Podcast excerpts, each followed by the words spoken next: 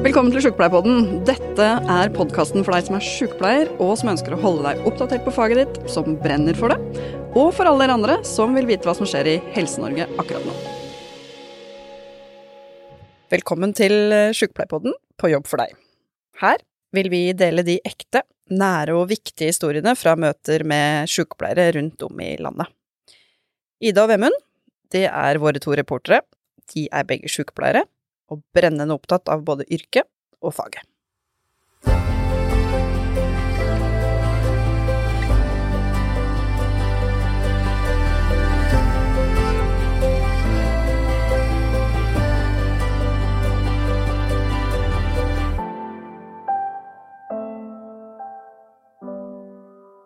Velkommen til På jobb for deg. I dag så sitter jeg sammen med en sykepleier og en pasient. Det som er litt eh, spesielt i dag, er at eh, pasienten vi har med, har en medført hjertefeil, og sykepleieren vi har med i dag, hun jobber da med pasientene som har disse medfødte hjertefeilene. Eh, og da tenkte jeg vi kan jo begynne med deg, Solvår. Du er sykepleier. hvorfor valgte du å jobbe med pasienter med hjertefeil? Ja, jeg har jo jobba med hjertepasienten siden 2011. Da begynte jeg på kardiologisk avdeling på Rikshospitalet. Jeg begynte på sengepost, og eh, da var det et kurs som begynte eh, i 2013, hvor man kunne bli på en måte superbruker innenfor medfødt hjertefeil. Og så ville jeg veldig gjerne være med på det, for jeg syntes det var veldig spennende. Og så fikk jeg det, og jeg bare Jeg skjønte det, jeg skjønte greia veldig godt, da. Det er et litt vanskelig tema, men jeg bare fikk det til, og ble veldig personlig interessert.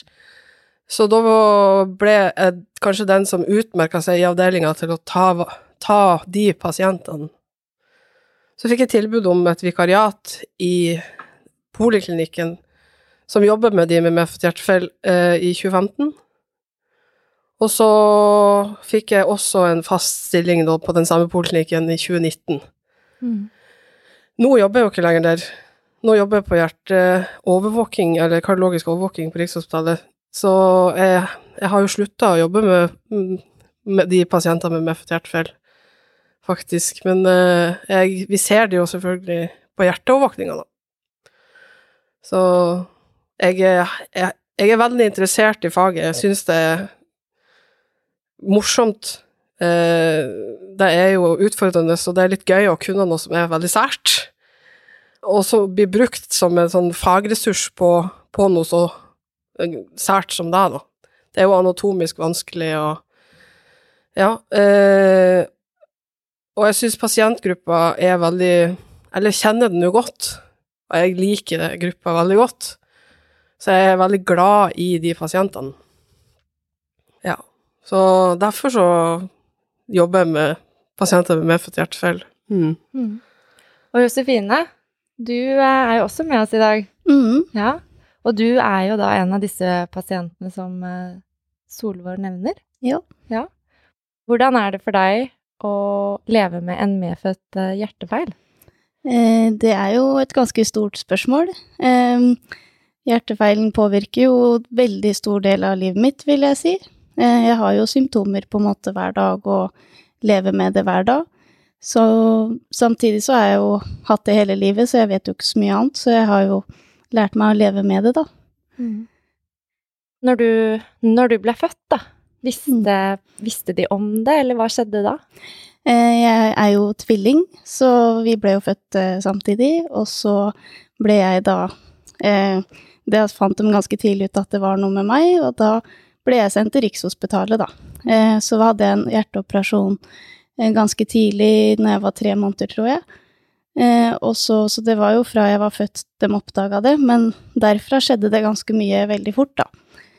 Så da jeg Hadde jeg en operasjon da jeg var tre måneder, og så igjen da en åpen operasjon da jeg var fire år. Og så igjen når jeg var ti år, og så har jeg hatt to lukkede og tre åpne operasjoner. Så til sammen så er det jo fem kirurgiske inngrep, og den siste var når jeg var 24, da. Mm. Så det har jo vært en stor del av livet, da, helt fra jeg var født. Ja. Sånn som nå er du jo eh, noen år eldre, da. Hvordan, eh, hvordan fungerer hverdagen din nå? Eh, nå fungerer den veldig bra. Det, jeg jobber jo 100% så jeg har hatt eh, Jeg er jo sykepleier, da, som nevnt. Eh, så jeg har jobba både på sykehus og sykehjem og hjemmesykepleien. Eh, og det ble jo veldig krevende, for det er jo en veldig fysisk jobb. Så nå jobber jeg på tildelingskontoret som saksbehandler. Og det er jo i utgangspunktet på grunn av at jeg skal ha en kontorjobb, da. Så jeg hadde nok ikke klart å jobbe 100 i en fysisk jobb. Så sånn sett har jeg jo tilrettelagt litt for å få det til å fungere, men nå jobber jeg 100 da. Og det syns du fungerer greit? Ja. Ja, så bra. Mm. For det er jo, jeg snakket litt med Solveig tidligere også, det er jo veldig mange som vi har snakket om med medfødt hjertefeil, som ikke helt klarer å stå i jobb, og i hvert fall ikke i fysiske jobber, litt som Josefine forteller. Ja, det er jo Det er mange eh, som eh, har medfødte sykdommer som, som eh, ønsker å jobbe i helsevesenet. Det har vi jo sett både innenfor medfødt hjertefeil, men det ser man jo i andre pasientgrupper òg.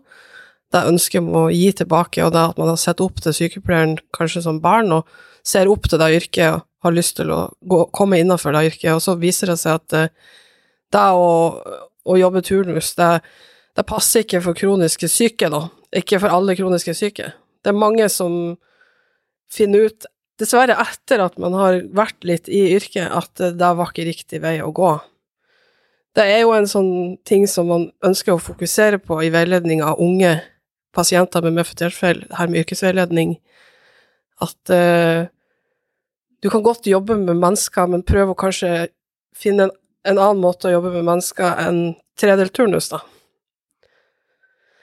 Så kontorjobb er jo veldig fint å kunne få til, da, men det er jo også noe som ikke vokser på trær, eh, og mange får ikke muligheten til å finne seg en jobb og må uføretrygdes, Mm. og er unge ufør, da.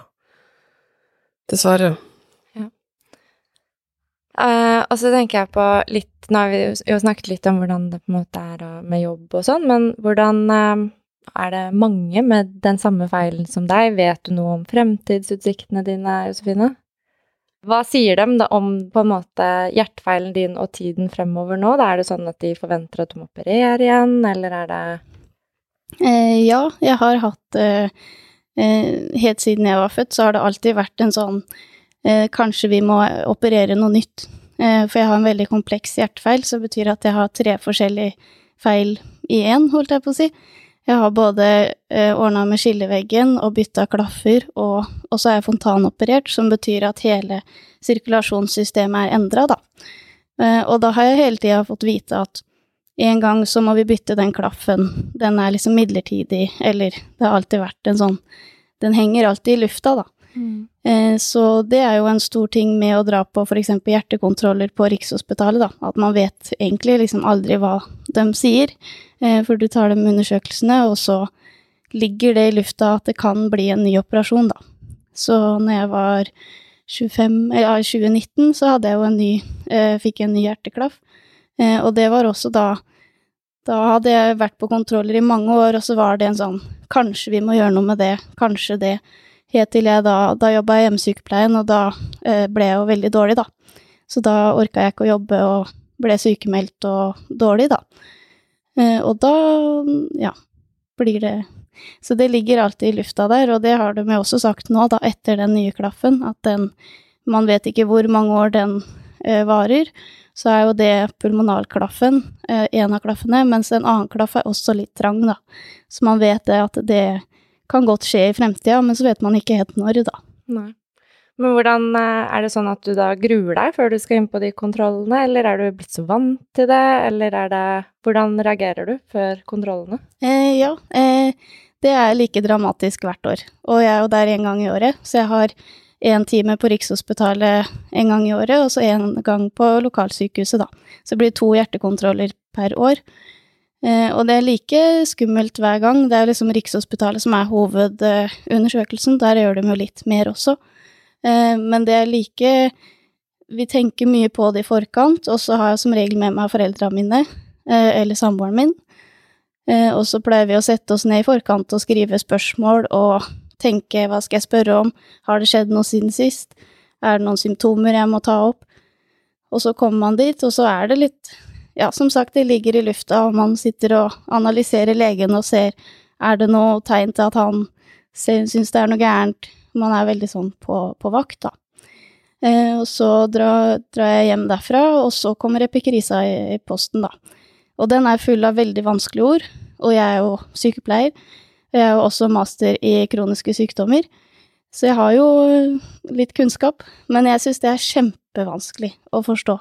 Eh, som du sa, det er jo et vanskelig felt. Eh, det er et veldig stort felt, og så det å lese den epikrisa i etterkant er jo en kveld i seg sjøl, som vi pleier å sette oss ned og snakke og gå igjennom, da.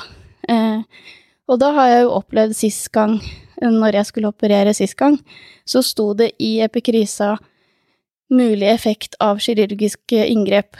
Sto det i én setning i den epikrisa, da. Og det er sånne ting som gjør at eh, da hadde jo ikke de sagt det på kontrollen.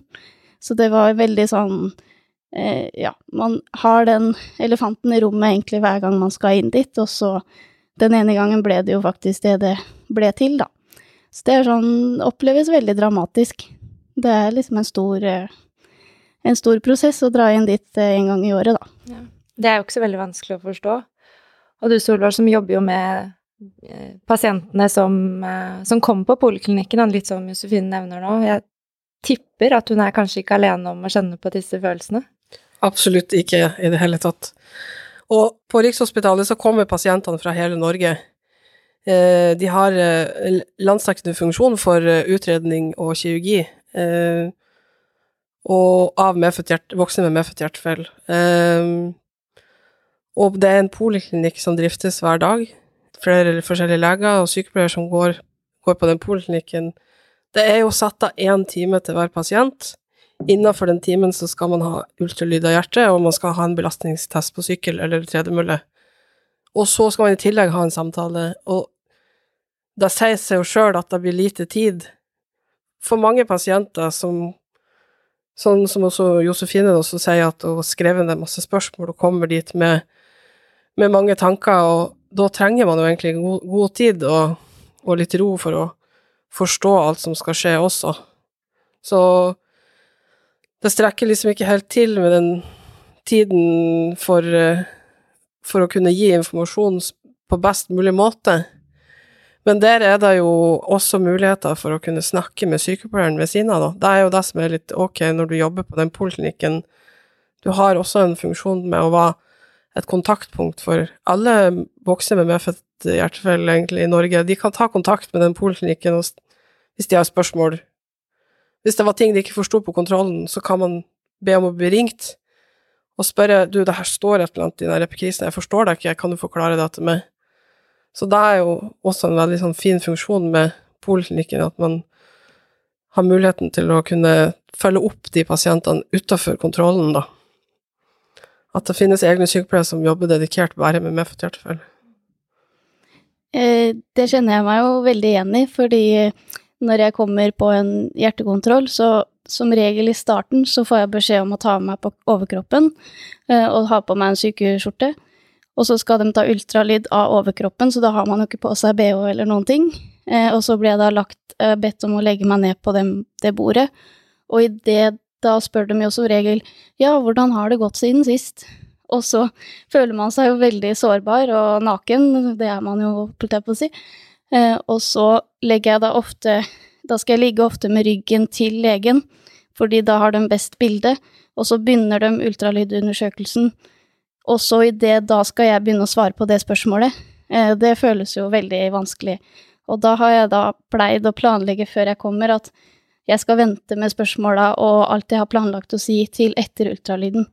Og da opplever jeg jo, hvis jeg sier det, nå må jeg sitte og spørre deg om noe, så tar de tida og setter seg ned etterpå. Men det er idet de starter at den første liksom umiddelbare spørsmåla skal komme, da. Så blir man litt sånn ja, man må sette seg ned og set, ta opp det arket og si 'her er de spørsmåla jeg lurer på'. Eh, og apropos det du sier, så har jeg opplevd at hvis det er noe jeg har lurt på, så kan jeg ta kontakt etterpå, da. For det, man sitter der og det er mye, så kan man jo glemme litt og ikke forstå alt og Så ja. Så de har jo en egen mailadresse også, da, så man kan sende en mail og spørre om ting. Og det må jo sies at det er jo ikke alle pasienter som gruer seg like mye. Men det er jo også pasienter som gruer seg mye mer. Og der, der vet jo alle som har vært på sykehus, at uh, du kommer på en time som er klokka elleve, og det er ikke sikkert du kommer inn klokka elleve. Og det å sitte der på det venterommet, det føles som tortur. Og hvis, jo lengre du sitter, jo på en måte mer bygger angsten seg opp, da. Og det er jo en pasientgruppe som uh, sliter med mye angst eller PTSD etter eh, masse sykehusopphold og kirurgi. Så det er jo veldig viktig liksom å være litt på ballen der, passe på pasienten, spesielt inne på sykehus. Var det litt ekstra for den pasientgruppa i forhold til de andre pasientene? Og da kan man jo spesielt se på sengeposten når man kommer til utredning. Da, da oppleves nok enda mer traumatisk enn å gå på kontroll eh, og ligge på sengepost og vente på svar eller vente på en undersøkelse. Eh, når jeg jobba på den poliklinikken, så brukte jeg ganske mye tid på å være med på undersøkelser, bare for å holde i hånda. Og da, da syns jeg var noe av det fineste med hele jobben, egentlig. Fordi jeg så forskjellen på å, å gjøre det, og så ikke gjøre det. Hvor lett, mye lettere det var for pasienten å gå gjennom undersøkelsen. da. Og da å få muligheten til å være med på det Det er jo dessverre ikke tid til det alltid, men ja, det gir veldig mye til både sykepleieren og til pasienten. Ja, det tror jeg er viktig. Og så er det jo noe som dere begge har nevnt, da, at uh, det er mange pasienter med, med angst i tillegg. Uh, kjenner du deg igjen i det også, Josefine? Eh, veldig. Ja. Får du noe oppfølging for det? Eh, jeg har fått det. Jeg, som sagt så har jeg vært eh, både barn og voksen på sykehuset, da, med operasjon. Så siste åpne hjerteoperasjonen min var da jeg var ti år, og så hadde jeg en kateterisering da jeg var tolv. Og så gikk det mange år uten noen innleggelser, eh, og så ble jeg innlagt da i 2019. Og da var det først en utredningsinnleggelse. Og da var jeg inne i fem dager, fra mandag til fredag, eh, og hadde veldig mange undersøkelser som var lina opp på dag til dag, da. Eh, og da fikk jeg veldig mange sterke reaksjoner psykisk. Da var jeg jo alene på voksenavdelingen, og var jo voksen, og jeg var også masterstudent, da, og tenkte at nå kan jeg det med sykehus, og jeg har gjort det før, og det her går fint. Og så fikk jeg veldig mange sterke reaksjoner som jeg ikke var forberedt på. Eh, og det kom veldig overraskende på meg, da. For jeg tenkte jo at eh, for eksempel så var jeg i en CT-undersøkelse, og tenkte jeg har gjort mange ganger før, og det går helt fint. Og mens jeg lå der, så var det veldig mange sånn eh, Det var akkurat som rommet vokste, og jeg ble mindre, og alle sansene ble forsterka. Det høres jo litt rart ut, men eh, da fikk jeg jo, i etterkant kan jeg jo se at da fikk jeg et angstanfall, da. Eh, og da var det en sykepleier der. Og da fikk jeg jo ikke ha med foreldrene mine inn, for det er jo en CT-undersøkelse og alt det der. Eh, og det var en veldig sånn eh, Hun var veldig ålreit da, for hun tok den følelsene veldig på alvor, da. Eh, og etterpå det så var det en samtale med en gudssykepleier, som da var fra poliklinikken, men også kom opp på sengeposten. Bare sånn en gudssykepleier? Ja. Hva er det? GURT det står for Grown Up with Congenital Heart Defect, eh, så det er voksne med medfødt hjertefeil. Så når vi snakker om poliklinikken, så snakker vi om Gutsch-poliklinikken. Det heter liksom da på norsk. Det heter ikke voksne med medfødt hjertefeil-poliklinikken. Gutsch er en betegnelse som brukes i Europa. Nå skal de jo gå bort fra den, da, og over til den amerikanske Adults with Congenital Hearts Defect, ACHD, fordi at man vil bort fra grown-ups og over til adults. Nå kan man ikke lenger snakke om pasientgrupper som voksne, fordi de blir eldre. De blir godt voksne og eldre. Så Gucci, da. Mm. Mm. Så tilbake til seten. Ja. Eh, da, etter jeg hadde vært på CT, eh, så eh, kom det en, en jeg hadde møtt før, da, som var fra Guts-poliklinikken, som, som hadde møtt meg på polikliniske timer før. Og da fikk jeg en samtale med henne og fortalte om hvordan jeg syntes det var å være innlagt, da. Jeg hadde også hatt det veldig vanskelig på natta og fikk det ikke sove, og det var mye hele uka. Eh, og da nevnte hun det, da, at eh, vi blir ikke Hun sa vel en setning sånn Vi blir ikke overraska hvis du har posttraumatisk stress. Eh, og da hadde jeg jo hatt såpass mye fra fram til jeg var tolv år, da. Og nå som jeg da var innlagt, og det var snakk om kirurgi i enden av den utredninga, da, så snakka vi mye om det. Det kjente jeg meg veldig igjen i, da, når hun forklarte det på den måten. Og da sa hun mye om at eh, kroppen husker mye som ikke hodet husker, fordi jeg har vært såpass liten, da. Eh, og det syns jeg var veldig godt å få prata med henne da, og få litt sånn bekreftelse på de følelsene, for jeg følte jo at jeg var litt sånn Hva i all verden skjer? Jeg har jo Apropos litt mestring, da. Jeg har jo følt at jeg mestrer å dra på sykehus, fordi jeg har vært der så mye. Og så følte jeg at jeg var vanskelig og dramatisk og slitsom og ringte på på natta og fikk ikke sove. Og, eh, og da forklarte hun det på en veldig god måte, da. Og i etterkant av den innleggelsen som varte på fem dager, da, eh, så gikk det tre måneder før jeg hadde en lokka eh, operasjon, som da via lysken så bytta jeg en hjerteklaff, eller satt inn en hjerteklaff. Og etter det igjen slet jeg veldig med angst og sånn, og da søkte jeg på DPS, da. Og da fikk jeg avslag. Så Du fikk avslag? Ja. Og da skrev jeg jo eh, til Eller fastlegen søkte, da.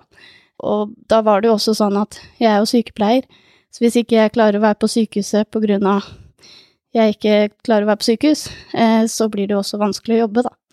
Så da var det en periode jeg gikk på arbeidsavklaringspenger, og måtte eh, Da jobba jeg ikke noen ting, og da var det kanskje det psykiske som var tøffest, da, i den perioden. Og da var det såpass at for eksempel så kunne jeg, hvis jeg kjørte forbi sykehuset, så fikk jeg reaksjoner, da. Så det var liksom Det forplanta seg litt utover. Og så er jo medfødt hjertefeil er jo en krever en livslang oppfølging, og det vet jeg jo veldig godt, at det vil jo alltid være et nytt eh, møte på sykehus, da. Eh, så da ble det Da klaga jeg på den avslagen på DPS, og så gikk det enda en måned, og så fikk jeg heldigvis komme inn, da. Og da fikk jeg samtaler hos en psykiatrisk sykepleier ukentlig. Og da begynte jeg i november, og så var jeg ferdig sommeren etter, så det tok ganske lang tid, da. Så det var mange møter. Men eh, det hjalp faktisk veldig, og jeg syns det var veldig Det var veldig slitsomt og krevende, men det var også veldig eh, Jeg så underveis at det hjalp veldig, da. Så nå er jeg jo på jobb, på jobb, altså på sykehuset eh, via jobben, og det går ganske greit sånn sett, men det sitter jo i, da. Men det var jo Det var liksom en dobbel krise. Én ting var sykehuset, men en annen ting var jo også hvordan skal jeg fortsette å jobbe som sykepleier, eller måtte jeg bytte jobb, eller ja Det ble liksom todelt, da, i den perioden. For jeg tenker sånn, sånn som når jeg sitter og ser deg nå, så ser jo, så ser jo ikke jeg på deg at du er syk. Du ser jo helt frisk ut. Mm, uh, og du er jo Ja, du kommer rett fra jobb, rett hit. mm. Uh, så du har, jo, du har jo mye i hverdagen din utenom uh, at du bare driver med jobb også. Ja. Og det Hvordan er det å mestre ved siden av jobb? Nei, jeg har hund, så jeg går jo tur hver dag. Så det er jo også en sånn Det blir jo en trening, men det tar jo også energi, da. Så jeg må jo orke det, og så har jeg jo mye venner og ja, gjør mye i løpet av en uke. Så For trening, er det noe som du må passe på? Det, kan du drive med hva som helst av trening, eller? eh, ja, jeg tenkte det er litt sånn Det er mange sykepleiere som hører på, så jeg tenkte det er litt sånn interessant å høre målingene mine, da. Ja. Eh, for jeg har jo en ganske høy news-score. Er det Skal vi forklare hva det betyr? Ja, gjør det. Eh, Det er jo en sånn skåringssystem man gjør når man eksempel blir innlagt. Så scorer man vitale målinger, og så får man ut fra det en score om hvordan hvor, hvor fort man trenger legetilsyn, for eksempel, da. Og jeg har jo en respirasjonsfrekvens på kanskje 20 til 24, da. Og så har jeg en metning, altså oksygenmetninga mi i blod er jo fra mellom 88 og 85, og den er min normal, da. 88 er bra, på en måte. så eh, Og så har jeg ganske lavt blodtrykk, så det er på sånn, ja, 100 på 60, eller Ja, det er jo et bra blodtrykk. Jeg har jo nettopp hatt ganske lavt blodtrykk, og da måtte jeg endre medisiner, så det er jo sånn man følger med på, da. Så ut ifra den så kan jo jeg score fem, seks eller syv, da, i den nyscoren. Og det betyr egentlig at man skal ha ganske hyppig legetilsyn, da. Men det er jo en kronisk sykdom, og det er jo sånn jeg har det hele tida. Eh, så det er jo sånn Man kan ha det i bakhodet, men allikevel så må man på jobb, og så går jeg tur etter jobb, og kanskje møter venninner på kvelden, og så går hverdagen hele tida. Så til tross for den dårlige med målingen, så går det jo veldig bra. Eh, Og det er jo også fått beskjed om at det er en liksom akseptabel måling som vi og legene godtar, da. Så det går helt fint å fortsette med det. Hadde jeg møtt en eh, frisk person som hadde dine målinger, så hadde jo alarmene gått. Mm. Eh, Det kan jo Solveig også bekrefte. Hadde Ja. vi funnet noen i senga med plutselig 88% i oksygenopptak, så hadde det jo Da ringte legen. Hadde vi ringt legen med en gang og lagt på ganske mye oksygen Mm. til pasienten. Og dette er noe du går rundt med hver eneste dag. Ja. Og det er på en bra måling. Så hvis den har vært den laveste vi har sett, er vel 79, og det var jo i en dårlig periode, da. Eh, mens eh, 88, det er akseptabelt, da. Er, det, er dette vanlig, Solveig, blant eh, de med medfødt hjertefeil? Ja, det kommer helt an på hvilken diagnose du har. Eh, når du har eh, en hjertefeil som Josefine, hvor du har fontansirkulasjon, eh, som betyr at eh, det blodet som kommer fra kroppen og skal inn i hjertet, det, det går direkte til lungene. Det, man bruker ikke hjertet for å pumpe blod inn i lungene, man kobler vena cava inferior superior rett på pulmonalarterien, og så drives blodet passivt gjennom lungene og inn, tilbake til hjertet. Eh, det er jo en krevende operasjon, det er krevende å leve med, og jo lengre du lever med det, jo mer komplikasjoner følger deg også med. Eh, så å ha lavere metning er jo en av på en måte normalsituasjonene rundt fontansirkulasjonen. Nå er det ikke mange som har fontansirkulasjon. 150 tror jeg de snakker om i Norge, nå.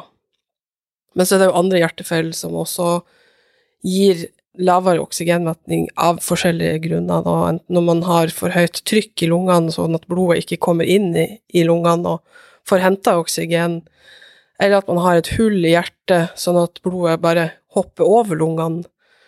Ja, så mange har lavere metning. Ser, det er jo det man ofte ser når de blir født, at de blir blå.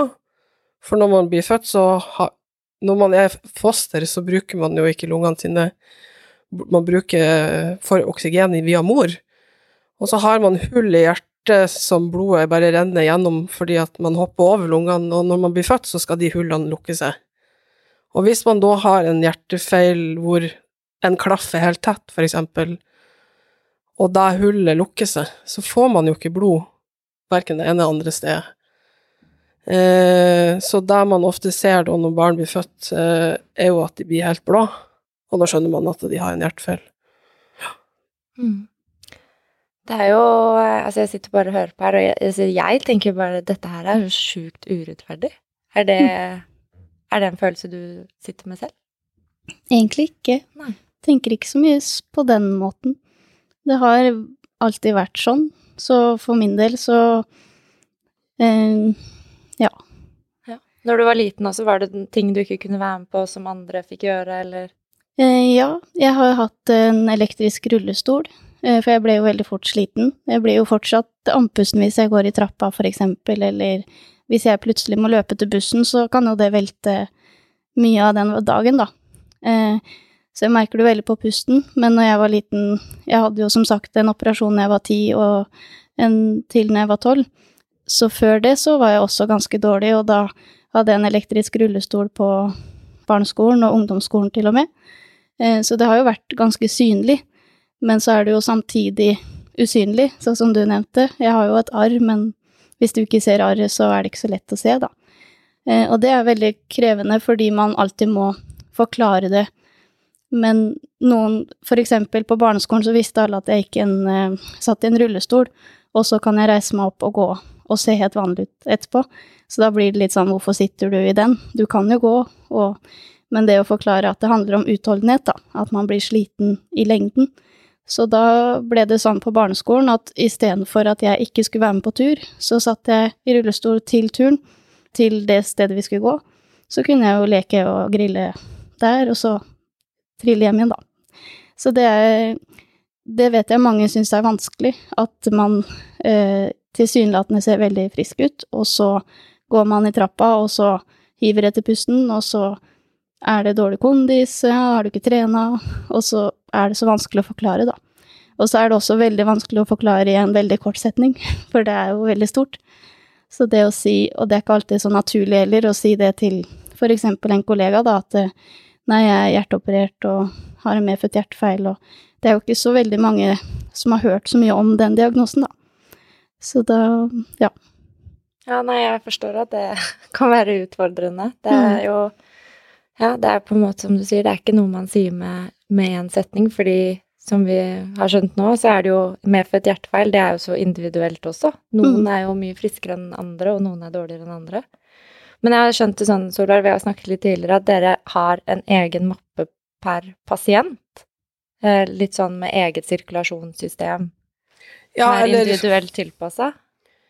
når jeg jobba på Gudstjenheten, så begynte jeg å lage en sånn lapp til alle pasienter som skulle legges inn på sengepost til utredning, hvor de har en eh, medisinsk illustratør på Rikshospitalet som heter Mikael Bjånes, som har illustrert utrolig mye flotte bilder av medfødt hjertefeil, og fikk bruke hans illustrasjoner til å beskrive hvordan blodet går, både hvordan blodet går med hjertefeilen som du er født med, men også hvordan blodet går etter at man er operert, for da er ikke nødvendigvis det samme, sant? Eh, og så kan man bruke da den illustrasjonen til å forstå hver enkelt pasient, og da var jo et redskap til sykepleieren. For man kan ikke forvente at alle sykepleiere skal kunne alt om medfødt hjertefeil. Det er utrolig mange forskjellige typer medfødt hjertefeil, og selv om du har like hjertefeil, så er de operert forskjellig. Så da er det greit å kunne jukse litt og bruke illustrasjoner og skrive litt om hver enkelt pasient, at her går blodet sånn og sånn, og eh, det som vi må huske på med den pasienten, er ditt og datt. Eh, de her illustrasjonene her ligger jo faktisk ute på nettet for alle å kunne hente ned. Eh, det er en egen pasientforening for voksne med medfødt hjertefeil som heter VMH, eh, og de har en nettside vmh.no, og der ligger det illustrasjoner på veldig mange hjertefeil. Så kan man gå inn og lese om hver enkelt hjertefeil, og det er jo noe som jeg anbefaler andre sykepleiere andre steder å bruke, virkelig. Foreninga for hjertesyke barn har jo også illustrasjoner på sine nettsider, som også er fine å se på, og beskriver også veldig godt eh, hjertefeil, de forskjellige hjertefeilene òg, og hvordan de blir operert. For det er jo, det er jo sånn at når Altså, de her pasientene bor jo he rundt i hele Norge, og legges jo inn lokalt eh, for andre ting enn bare hjertet sitt. Eh, og det er jo mange pasienter, kommer de på Levanger sykehus og skal ta et EKG i mottak, og så får de jo helt hetta av det EKG-et, skjønner ingenting og tror at pasienten har hjerteinfarkt. Eh, men det er jo kanskje den naturlige, eller det, ja, det, det vanlige EKG-et til den pasienten, og så skal man begynne å forklare hjertefeilen sin, og så er det veldig vanskelig for den sykepleieren i akuttmottaket å forstå. Der opplever nok veldig mange pasienter rundt omkring at de møter helsepersonell som ikke forstår hjertefeilen, da. Så da er det jo veldig fint å kunne bruke fag- faglige illustrasjoner og beskrivelser. Bare bruke litt tid på å sette seg inn i det, da. Eh, Og en ting som vi brukte å si på poliklinikken til alle pasientene, var jo å ha, et, eh, ha en kopi eller ha et bilde av ditt vanlige EKG, sånn at hvis du havner på sykehus, så kan du i hvert fall vise til at det er sånn det ser ut hver gang, du trenger ikke å være bekymra. Det er mange pasienter som må berolige de ansatte rundt omkring på sykehus og si det her er helt vanlig for meg.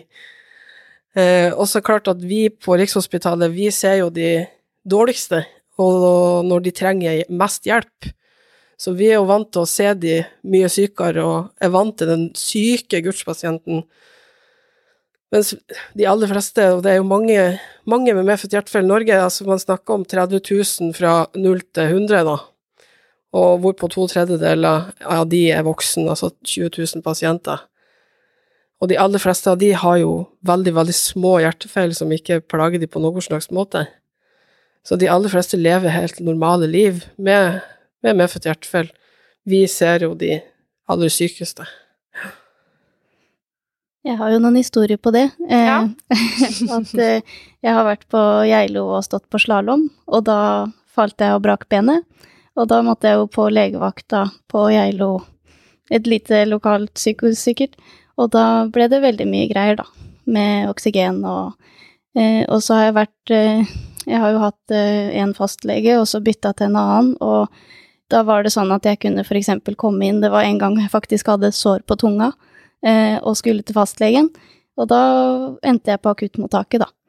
For da hadde jeg lav metning, og det blir mye greier, da. Eh, og da er det sånn Jeg har ligget på legevakta og diskutert med en sykepleier om jeg trenger oksygen eller ikke. Og da var jeg veldig, sikkert litt sliten og litt oppgitt, og bare Jeg klarer meg fint, jeg trenger ikke oksygen nå. Og så fikk jeg et sånt langt blikk, og hun trodde ikke på meg, så bare nei, jeg må sette det på, og nå går jeg og snakker med legen, og, og så kan jeg jo i etterkant skjønne hennes versjon veldig godt, da, eh, for det er jo veldig skremmende å se de målingene. Men jeg har jo opplevd, da føler jeg at det er jeg som må betrygge sykepleieren, og ikke motsatt, da, eh, på at det her er vanlig for meg, og det går fint. Eh, Men det blir som regel alltid veldig mye greier. Ja. Og en annen ting rundt det er at eh, det verste holdt på å si, den verste undersøkelsen som kan skje på et akuttmottak for meg, er jo blodgass, da. For den blir jo ofte tatt hvis det er usikkerhet, og det er ja, med hjerte og oksygen, og, og det er en sånn eh, veldig vond undersøkelse, syns jeg, da, men det er jo rett og slett en blodprøve fra en arterie, og den gjør veldig vondt, og i hvert fall hvis man har litt dårlig sirkulasjon og kalde hender og er litt nervøs og eh, Så den har jeg tatt veldig mange unødvendige ganger, mener jeg, da.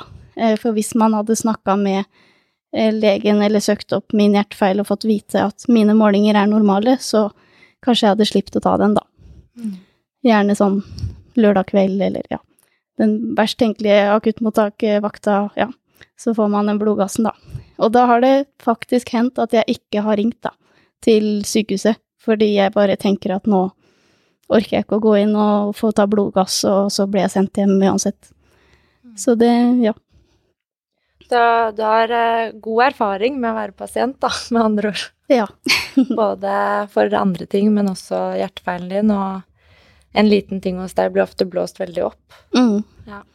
Men jeg kan forstå det, og det var veldig nyttig for meg å lære meg om den U-scoren, eh, og forstå at de faktisk får en score, og de faktisk må agere på det, da. Så det gjør det litt lettere å forstå hva som skjer. Men eh, når det er sagt, selv om jeg da er sykepleier og forstår litt av det, så syns jeg fortsatt det er veldig vanskelig å skulle forklare min hjertefeil til noen andre, da. Og som du, Solvor, nevnte, så er det jo mange forskjellige diagnoser og kombinasjoner. Og jeg har jo tre forskjellige diagnoser som da er kombinert, da. Så det å skulle begynne å forklare det og si hvorfor ting er som det er og sånn, det, det har jeg prøvd, men det får jeg ikke til, da. For det er Så er det vel sikkert noe med det å måtte gjenta seg selv gang på gang på gang, da. mm, At det også er jo slitsomt å måtte gjøre. Snakke først med en sykepleier der, og så snakker du med en lege der, og så en fastlege der, og så en sykepleier der, og så en lege der, og så ja. Det som er veldig Det som jeg syns er viktig, er jo hvis man møter og de oppleves veldig forberedt. F.eks. For eksempel på lokalsykehuset, som jeg er en gang i året, da. Eh, Hvis de har lest litt, så eh, kan de gjerne svare på litt allikevel. Eh, På Rikshospitalet syns jeg alltid de er veldig forberedt og virker som de har god oversikt over akkurat min hjertefeil, da. Men jeg har opplevd det flere ganger, at man kommer inn, og så får man mer spørsmål enn svar, da. Og så det, det at de er forberedt og har lest litt i forkant, pleier å hjelpe veldig, da. Det er alltid fint å møte en eh, forberedt sykepleier. Mm. Jeg har tenkt på det med for, Ja, vi forbereder jo Altså, på vår avdeling nå, da, når jeg jobber på hjerteovervåkninga, vi har jo ikke noe muligheten til å forberede oss egentlig så veldig mye. Vi vet jo ikke så mye om pasienten som ramler inn. Vi vet kanskje at den har medfødt hjertefeil, og så kanskje man får tak i noen siffer, så kan man slå pasienten, og så ser man hva det er. Eh, når jeg jobba på poliklinikken, så brukte vi jo ganske mye tid på å sette oss inn i hver enkelt pasient før de skulle komme. Og så, øh, så vet man jo også ofte hvem som er nervøs, for eksempel, fordi at øh, de som tar mye kontakt, der har man jo skrevet notater øh, Ja, hvis man har sendt mail eller at man har vært, vært i mye kontakt, så vet man jo at da kan man bruke litt tid på å følge opp noen ekstra mennesker den dagen, da. Eh, Rikshospitalet har jo starta et samarbeid med psykosomatisk avdeling, hvor de, de får muligheten til å henvise ganske mange pasienter til utredning, da. Utredning til Eh, psykosomatisk utredning, altså, altså det går jo på psykisk helse.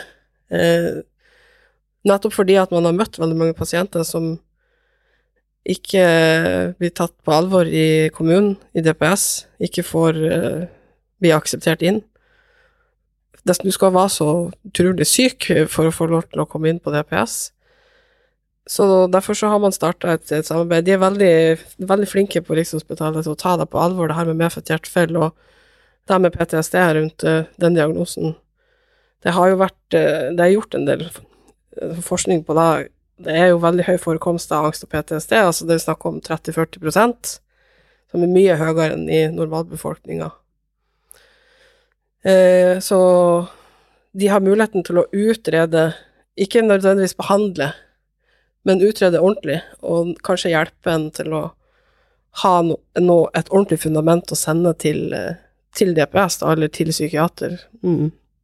Jeg tenker jo det er ikke så rart at uh, dette er en veldig sårbar pasientgruppe, hvor veldig, veldig mange, og sikkert det er mange mørketall også, som opplever angst og stress, og det å på en måte skulle planlegge fremtiden sin, da, det er kanskje vanskelig for mange. Jeg tenker spesielt kvinner, kan man være, kan man gå gravid på en måte? Kan man gjennomføre et svangerskap? Det er jo eh, sånn at de aller fleste kan da. Eh, når du har en medfødt hjertefeil, så skal du gjerne planlegge svangerskapet ditt eh, og ha en oppfølging av eh, kardiolog i løpet av svangerskapet. Rikshospitalet har nasjonal funksjon for hjertesyke gravide. Det er jo ikke bare de med anatomisk eh, hjertefeil, men også de med genetiske hjertefeil og de med arytmier. De skal følges opp eh, der. Så skal det bestemmes at tverrfaglig team hvorvidt du må føde på Rikshospitalet, eller om du kan føde lokalt. Og det er jo basert på hva slags hjertefeil du har, da. Eh, det er noen hjertefeil som absolutt ikke bør få barn. Og, og man er flinkere nå til å snakke om det tidlig for unge kvinner, da. Eh, det er jo sånn at eh, man begynner med det som heter transisjon, altså overflytting fra barn til voksen, begynner man med ganske tidlig på barneavdeling. Og da er det visse tema man skal snakke om før man skal over på voksenavdeling, blant annet yrkesveiledning og seksualitet og svangerskap og sånne type ting. Eh, Prevensjon er jo noe man fokuserer på her. Ja, det er jo en, det er lagd en prevensjonsveileder eh, for de med medfødt hjertefeil. De skal jo annet ikke ha østrogenpreparater på av eh, blodproppfare. Eh, men eh, de som får det, De som ikke bør få barn, de får beskjed om det. Eh, men Men det må jo være en veldig tung beskjed å få, da. Ja, absolutt. Det er jo det. Men så får de også den beskjeden ganske tidlig, som kanskje kan være lettere å leve med når man får beskjed når man er 19, enn når man får beskjed når man er 26 og midt i at man har lyst til å prøve. Jeg har jo litt erfaringer rundt det temaet. Eh, når jeg var eh, Ja, jeg husker ikke hvor gammel jeg var, men jeg skulle i hvert fall begynne på prevensjon. Eh, og da tok jeg kontakt med helsestasjonen, som alle andre mine venninner gjorde. Og de turte ikke å svare, og så spurte vi fastlegen, og de turte ikke å svare. Og så ringte vi da til Rikshospitalet til slutt. Det er jo noen år siden, da, eh, men jeg tror det tok sånn fire-fem uker før jeg helt tatt fikk svar om hvilken type prevensjon jeg skulle bruke eh, før man da skal begynne på det sjøl. Jeg tenker jo mange syns jo det er skummelt eller flaut å bare spørre om, og gjerne vil ordne det sjøl, uten hjelp av foreldre og Så det, det var jo en veldig sånn en av mange store prosesser, da, apropos at det meste blir litt sånn eh, oppblåst, da. Eh, så tok det ganske mye tid før jeg da fikk begynt på en, en type p-piller som ikke inneholder østrogen, da, men gestagen eller noe sånt noe. Da med sånn veiledning rundt svangerskap er jo kjempeviktig, og et tilbud som er ganske nytt, og jeg er veldig glad for at jeg har muligheten til å kunne tilby det til unge kvinner nå. Det er jo noe som blir sagt i polikliniske timer eh, til de, de unge kvinnene, hvor man- tenker her er det naturlig å si det. Eh, Hvis du tenker på svangerskap, si gjerne fra, så får du en time rundt veiledning på det. Eh, Det er jo eh, også sånn at eh, man kan jo ikke hindre mennesker i å bli gravid, men kan jo anbefale de å ikke bli gravid. Og hvis det skulle ende opp med et svangerskap, så gjør man jo alt man kan for at det skal gå, gå bra. Eh, og da har vi jo opplevd flere ganger alvorlig syke kvinner som eh, blir gravid.